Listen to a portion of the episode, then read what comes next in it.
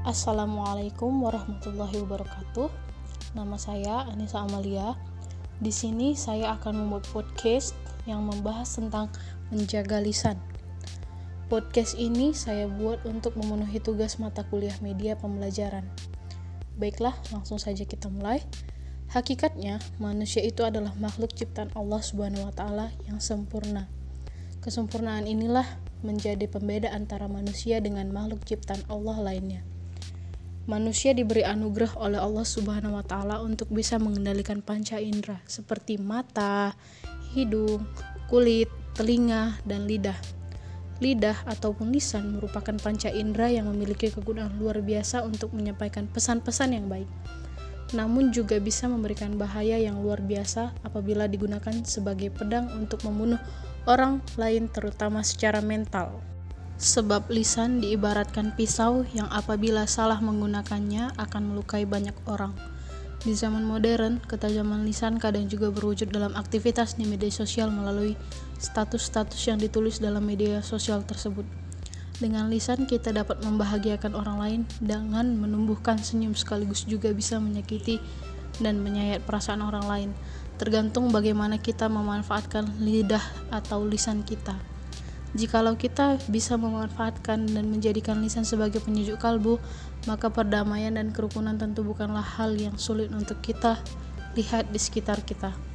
Namun, bila kita menggerakkan lidah kita layaknya pedang tajam yang siap mengurai perasaan orang lain, maka permusuhan dan perselisihan yang akan tumbuh di sekitar kita. Maka dari itu, kita sebagai umat Nabi Muhammad SAW yang diberikan kesempurnaan oleh Allah Subhanahu wa taala dengan akal dan pikiran, marilah kita gunakan lisan kita untuk menyebarkan kebaikan, bukan untuk membuat luka hati saudara-saudari yang ada di sekeliling kita.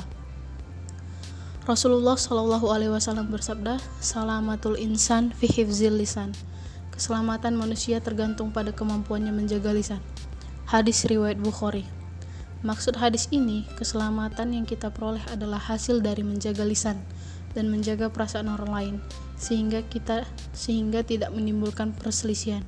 Dan apabila kita sadar bahwa perkataan kita akan menyakiti hati orang lain, maka akan lebih baik kita diam untuk menghindari perselisihan dan dosa akibat menzolimi orang lain lewat perkataan ataupun lewat lisan kita.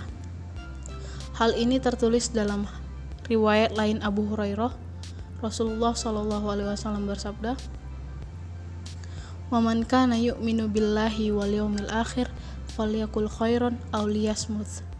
Barang siapa yang beriman kepada Allah dan hari akhir, maka hendaklah ia berkata yang baik atau diam. Hadis riwayat Bukhari dan Muslim. Dalam pandangan Islam, jika seseorang tidak bisa berbicara yang mengandung manfaat, maka lebih baik diam. Imam Syafi'i menjelaskan maksud hadis ini adalah apabila seseorang hendak berkata, hendaklah ia berpikir terlebih dahulu. Sejatinya apa yang keluar dari lisan kita itu sesuai dengan kebiasaan dan kepribadian kita. Jika lisan terbiasa mengucapkan hal yang baik, maka apa yang keluar dari lisan sesuatu yang baik dan bermanfaat pula. Begitupun sebaliknya, jika lisan terbiasa mengeluarkan perkataan yang jelek, maka akan banyak mudarat yang timbul akan perkataan tersebut. Islam telah mengajarkan kita kewajiban dalam menjaga penggunaan lisan dengan baik dan benar. Allah berfirman, tidak ada kebaikan dari banyak pembicaraan rahasia mereka, kecuali pembicaraan rahasia dari orang yang menyuruh orang bersedekah atau berbuat kebaikan, atau mengadakan perdamaian di antara manusia. Barang siapa berbuat demikian karena mencari keridhaan Allah, maka kami akan memberinya pahala yang besar. Quran Surah An-Nisa ayat 114 dari ayat ini kita dapat memetik pembelajaran bahwa Allah Subhanahu wa taala mewajibkan kita menggunakan lisan untuk hal-hal yang baik.